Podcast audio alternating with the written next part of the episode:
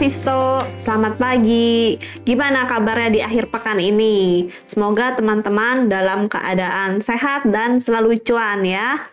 Nah, kembali lagi bersama saya Cheryl Tanuwijaya dari tim riset investasiku.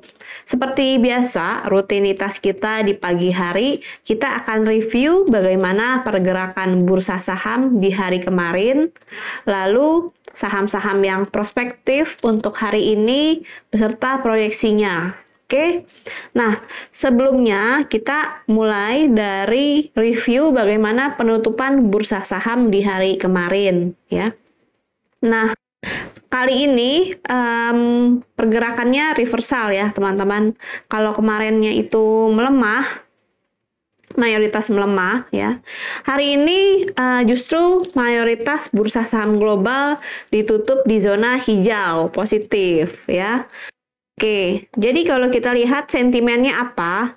Kemarin dari berbagai benua ya, dari Amerika, Eropa, Asia, itu semua punya sentimen positif. Sehingga nggak heran kalau harga sahamnya kompak naik gitu. Jadi sentimennya ada apa aja sih? Jadi dari Amerika ya teman-teman, ada sentimen positif di mana penjualan retail bulan Agustus secara man on man ini naik 0,6 persen, yang mana data ini uh, melampaui ekspektasi dan lebih baik juga dari kinerja di bulan Juli ya. Jadi kita tahu inflasi di Amerika sudah tinggi banget ya, masih dalam tahap tinggi meskipun sekarang sudah turun, tapi penjualan retailnya masih baik, itu hal yang positif ya. Lalu juga ada data dari tenaga kerja ya klaim pengangguran mingguan yang berakhir di hari Jumat lalu um, ini lebih rendah ya peningkatan penganggurannya daripada perkiraan pasar. Jadi ini menunjukkan kondisi pasar tenaga kerja yang baik ya di Amerika Serikat. Meskipun di sisi lain ada satu hal yang kurang mengesankan ya, yaitu inflasi tingkat produsen ini kembali naik ya, lebih tinggi lagi daripada perkiraan pasar, yaitu naik 1,6 persen dan menjadi level tertinggi dalam empat bulan terakhir gitu. Kita beralih ke Eropa. Kemarin ada sentimen positif di mana Bank Sentral Eropa atau ECB ya. Ini kembali menaikkan suku bunga yang sesuai dengan perkiraan pasar, yaitu naik 25 basis poin ya. Dan um, menariknya juga Bank Sentral Eropa ini memberikan sinyal ya atau indikasi kalau kenaikan ini sudah menjadi kenaikan yang terakhir gitu. Oke. Okay? Um, Oh iya, mungkin teman-teman penasaran berapa sih level suku bunga ECB? Itu ada di 4% ya, teman-teman. Lalu kalau kita beralih ke benua Asia, kemarin pemerintah China ini kembali memberikan stimulus untuk memacu pertumbuhan ekonominya ya berupa pemangkasan uh, rasio persyaratan cadangan bank ya atau reserve requirement ratio ya uh, ini sebesar 25 basis poin ya pemangkasannya untuk semua bank yang berlaku mulai hari ini 15 September 2023. Uh, sebagai informasi, ini juga pemangkasan uh, reserve requirement ratio ini untuk yang kedua kali di tahun 2023 ini ya. Jadi tujuannya untuk meningkatkan kapasitas pinjaman bank dan memfasilitasi stimulus fiskal khususnya untuk penerbitan obligasi di daerah gitu. Nah, kita beralih ke domestik ya, teman-teman kita lihat IHSG kemarin dengan meyakinkan ya menguat 0,34 persen. Oke, kita lihat um, IHSG masih melanjutkan pola uptrendnya ya. Lalu untuk hari ini juga masih ada tanda-tanda uh, penguatan lanjutan meskipun hari ini akhir pekan ya. Kita lihat dari indikator momentum RSI stokastiknya ini sudah uh, oversold ya tandanya udah berpotensi rebound Lalu kita lihat um, closingnya si IHSG kemarin ini juga udah di atas uh, MA20, MA5 gitu ya. Uh, ini juga kemarin bisa menjadi candle trigger bullish untuk hari ini ya. Hari ini kita perkirakan IHSG akan bergerak dalam range di 6.950 sampai 7.000 gitu ya, teman-teman. Nah, kemarin teman-teman kita lihat kalau secara general um, sektor yang masih menjadi top gainer lagi-lagi energi sama bahan baku ya. Energinya kemarin rata ya, baik dari energi yang terkait minyak bumi maupun yang dari batu bara maupun ini kompak semua menguat ya. Kalau dari bahan baku kita lihat ini dari saham-saham um, kertas, saham-saham um, ya minyaknya juga banyak yang masuk ke sektor bahan baku ya, kayak bahan kimia gitu ya, uh, logam. Nah, Lalu kita lihat um, sentimennya kalau hari ini komoditas agak perlu hati-hati ya teman-teman. Soalnya um, harga komoditas batubara hari ini reversal nih. Kemarin menguat hari ini um, lumayan signifikan melemahnya gitu. Yang masih lanjut menguat dari komoditas minyak di mana komoditas minyak ini naik ke atas level 90 US dollar per barrel yang menjadi harga tertinggi sepanjang tahun 2023 ya. Kita tahu rata-rata harga minyak bumi di tahun 2023 ini masih di kisaran 80 US dollar per barrel. Jadi sekarang nih lagi dalam posisi yang mahal ya si minyak bumi di atas rata-rata. Untuk hari ini kita masih melihat um, sektor dari energi ini masih menarik. Khususnya kita bisa incar saham-saham yang terkait sama minyak, bahan kimia, ya. Oke, lalu kita juga beralih ke sektor top loser. Ini ada sektor infrastruktur ya yang menjadi top loser, uh, non cyclical, healthcare ya. Tapi infrastruktur kita lihat ini ada pro, ada aksi profit taking aja karena dari sektor konstruksi ya udah naik dalam sepekan ini lumayan signifikan. Teman-teman bisa lihat sahamnya kayak PTPP, Adi, Wika, Weton ya. Jadi koreksinya masih wajar aja ya. Dan kalau secara sektoral masih menarik ya sektor infrastruktur kita bisa buy on weakness. Nah, teman-teman kita masuk ke rekomendasi. Oh iya, sebelum masuk ke rekomendasi, teman-teman kalau ada pertanyaan bisa ketik di komen IG Live ini ya, nanti kita akan bahas. Oke, rekomendasi yang pertama ada Silo. Siloam International Hospital. Oke, nah teman-teman bisa lihat ya, Silo ini uptrend ya, secara jangka menengah. Meskipun dalam tren minor, dalam tren jangka pendeknya, silo ini downtrend ya, yang dimulai dari awal Agustus sampai um, pertengahan September ini. Lalu kita lihat teman-teman, silo ini berhasil kemarin menguat hingga melampaui downtrend lain tersebut. Jadi bagus nih. Apalagi ada sinyal buy yang ditunjukkan oleh indikator momentum MACD Golden Cross ya. Jadi muncul um, kita rekomendasikan si Loam ini bisa dibuy di harga 1950 sampai 1960 take profit di 2070 stop loss di 1930 oke untuk siloam juga kita lihat kemarin sempat menguji uh, support dari MA ya.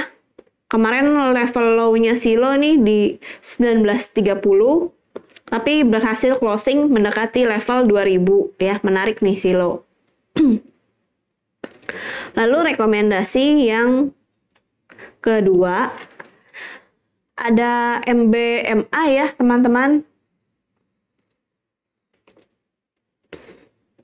Oke, MBMA ini uptrend ya dalam tren minor ini dalam tiga hari berturut-turut Senin, Selasa, Rabu muncul candle reversal ya.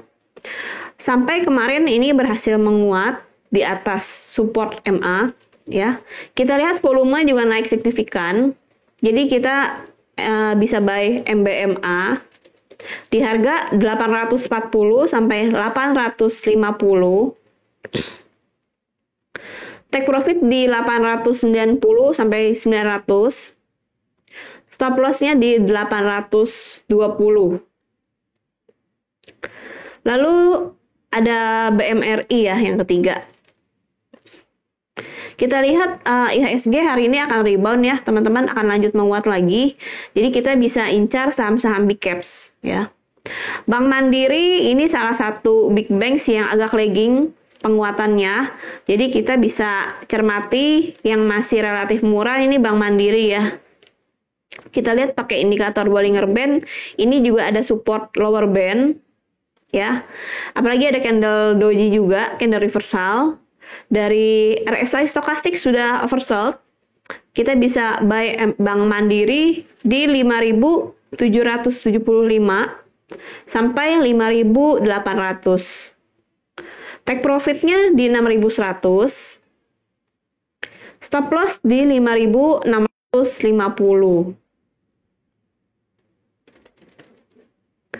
Oke, berikutnya kita ke Elsa.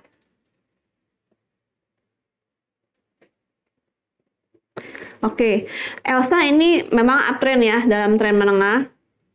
Kemarin ada sempat koreksi 1,39 persen. Dia rebound, sebelumnya sempat ke harga terendah hariannya tuh di 420. Closingnya di 426. Kita lihat ada support MA5. Jadi kita bisa buy Elsa di harga 420 sampai 424 ya. Kita lihat sentimen kenaikan harga minyak mentah masih positif nih teman-teman. Bahkan sampai ke level tertinggi selama tahun 2023. Kita bisa buy Elsa di harga 420 424. Targetnya di 440, nggak jauh-jauh ya kita. Stop lossnya di 410. Oke, rekomendasi yang terakhir ada GIA.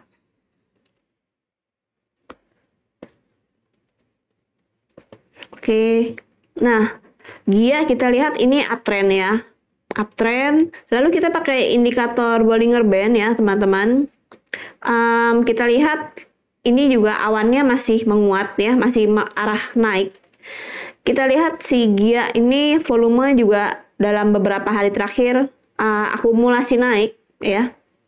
Lalu kita lihat kemarin juga ada support dari MA5 um, dari momentum didukung penguatan juga baik dari MACD maupun dari RSI stokastik ya.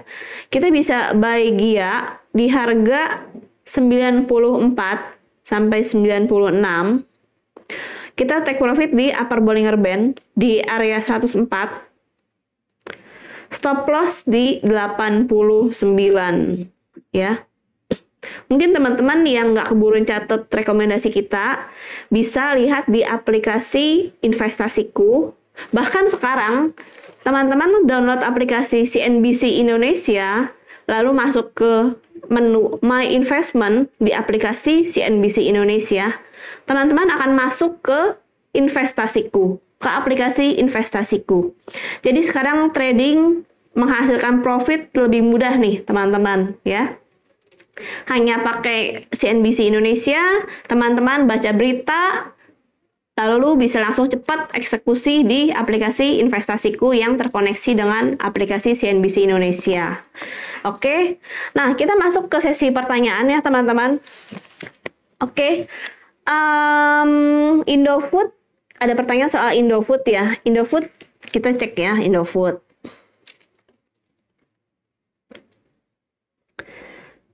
Oke, Indofood jebol support 6850. Iya, bener nih. Indofood baru saja nge-breakdown dari support MA200 ya. Volumenya tinggi, uh, masih ada ruang di RSI stokastik untuk melemah ya. Oke. Um, kita lihat Indofood memang sentimennya kurang oke okay ya, teman-teman. Kita bisa switch ke saudaranya yaitu ke ICBP, uh, eh, kita bisa exit dulu, benar ya, dari si Indofood. Kita bisa beralih ke ICBP.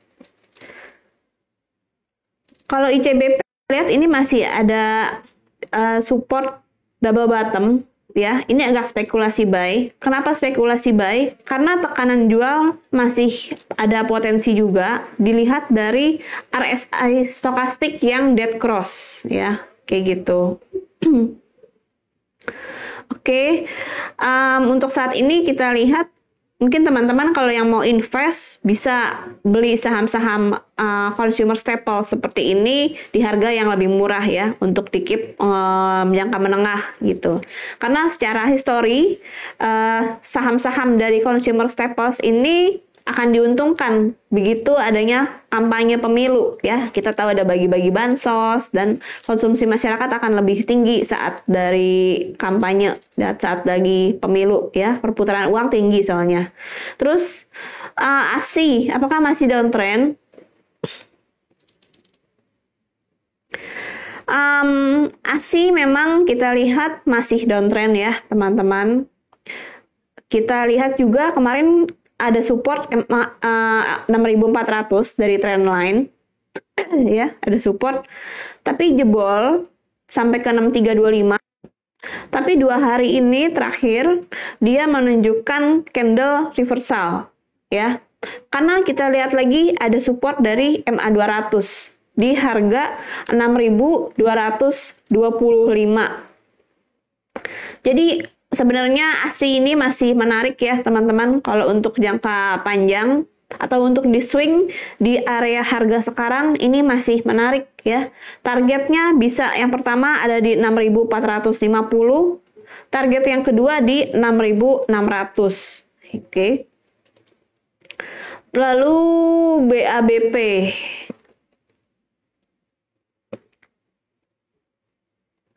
BABP nampaknya masih akan turun nih teman-teman kalau dari candlesticknya.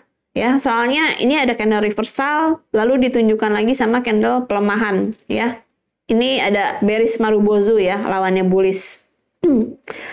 Dari momentum juga masih melemah terus. BABP BBHI Oke, BBHI kita lihat ini ada support triple bottom ya teman-teman. Semoga nggak dijebol. Oke. Ini ada di supportnya 1510 sampai 1500 ya untuk supportnya BBHI teman-teman um, mungkin kalau udah punya bisa sell on strength di MA 200 di kisaran harga resisten 1650 sampai 1700 ya kita lihat um, harusnya sih supportnya lumayan kuat ya, jadi semoga tidak tertembus BBHI. Medco, oke. Okay.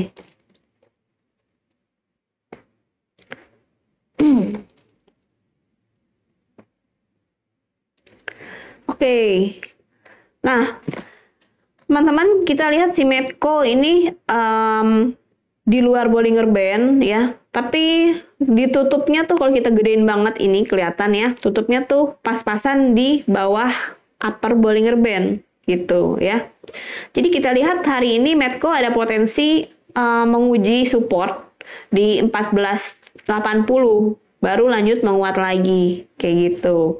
Terkait saham minyak uh, tadi kita sudah pilihkan uh, Elsa ya di antara beberapa pilihan. Karena Medco kita sebenarnya udah take profit juga, Akra kita juga udah take profit. Jadi Elsa yang kita belum beli dan yang agak lagging di antara saham uh, minyak lainnya. Kayak gitu. Kin ya. Oke, yang terakhir Kin. Oke, nah Si Kin, kita lihat konsolidasi nih teman-teman dalam sebulan terakhir. Tapi pelemahannya masih disupport sama mid Bollinger Band, Kin ya. Oke. Lalu ada MACD-nya nih dead cross ya. Jadi kita wait and see dulu ya teman-teman. Kelihatannya sih dia bisa breakdown dari mid Bollinger Band gitu ya. Oke, okay. um, kita wait and see dulu untuk Kin. Mungkin kalau dia ada di harga 800 atau 790, ini menarik untuk dicermati Kin. Lalu ada BRPT. BRPT ini juga yang jadi penopang dari penguatan sektor bahan baku ya, teman-teman. BRPT. BRPT kita lihat MACD-nya Golden Cross ya volumenya beberapa pekan lalu sempat turun, tapi akhirnya naik lagi ya. Kita lihat BRPT ini menarik ya teman-teman untuk hari ini juga. Um, kita masih bisa buy, tapi sebaiknya sekarang kan closing di 12.80 ya. Mungkin kita bisa agak nawar di 12.50-an kayak gitu. Kita target di 13.50 untuk BRPT. Stop loss di um, 1150 BRPT. Oke, okay. uh, berikutnya ada Akra. Oke, okay. Akra ini masih on track ya teman-teman. Bisa siap-siap jual ya di area 1530. Kemarin um, sempat ke level tertingginya tuh ada di 1495 ya. Mungkin teman-teman kalau lebih mau cepat bisa jual di harga 1510 gitu ya. Apalagi kita lihat ada MA Golden Cross nih di Akra ya antara MA 20 sama MA 200. Jadi untuk karena kita udah beli kemarin ya, harusnya asumsinya. Jadi kita masih bisa hold aja, siap-siap jual ya. Oke, terakhir PGO ya, teman-teman. 5 menit menuju opening market. Oke, PGO ini masih menarik ya. Um, ini banyak support dari MA jangka pendek maupun jangka menengah volumenya naik, um, momentum udah oversold. Ini PGO menarik ya. Kita juga udah beli dari beberapa hari yang lalu, jadi udah tinggal jual aja. Target kita PGO yang terdekat bisa di 1300 kayak gitu. Oke. Teman-teman jangan lupa ini kan udah weekend ya. Kita nanti ketemu di Mall Central Park Jakarta Barat kita akan launching aplikasi CNBC Indonesia dan investasiku. Di mana teman-teman hanya download aplikasi CNBC Indonesia, masuk ke menu My Investment, teman-teman bisa langsung trading di investasiku. Jadi trading udah nggak pakai ribet, apalagi pakai ketinggalan berita ya. Kita tahu aplikasi CNBC Indonesia beritanya update cepat. Jadi teman-teman bisa langsung cepat action dengan beli atau jual saham yang ada. Kayak gitu. Oke, teman-teman, see you ya. Terima kasih untuk kebersamaan hari ini. See you di Central Park.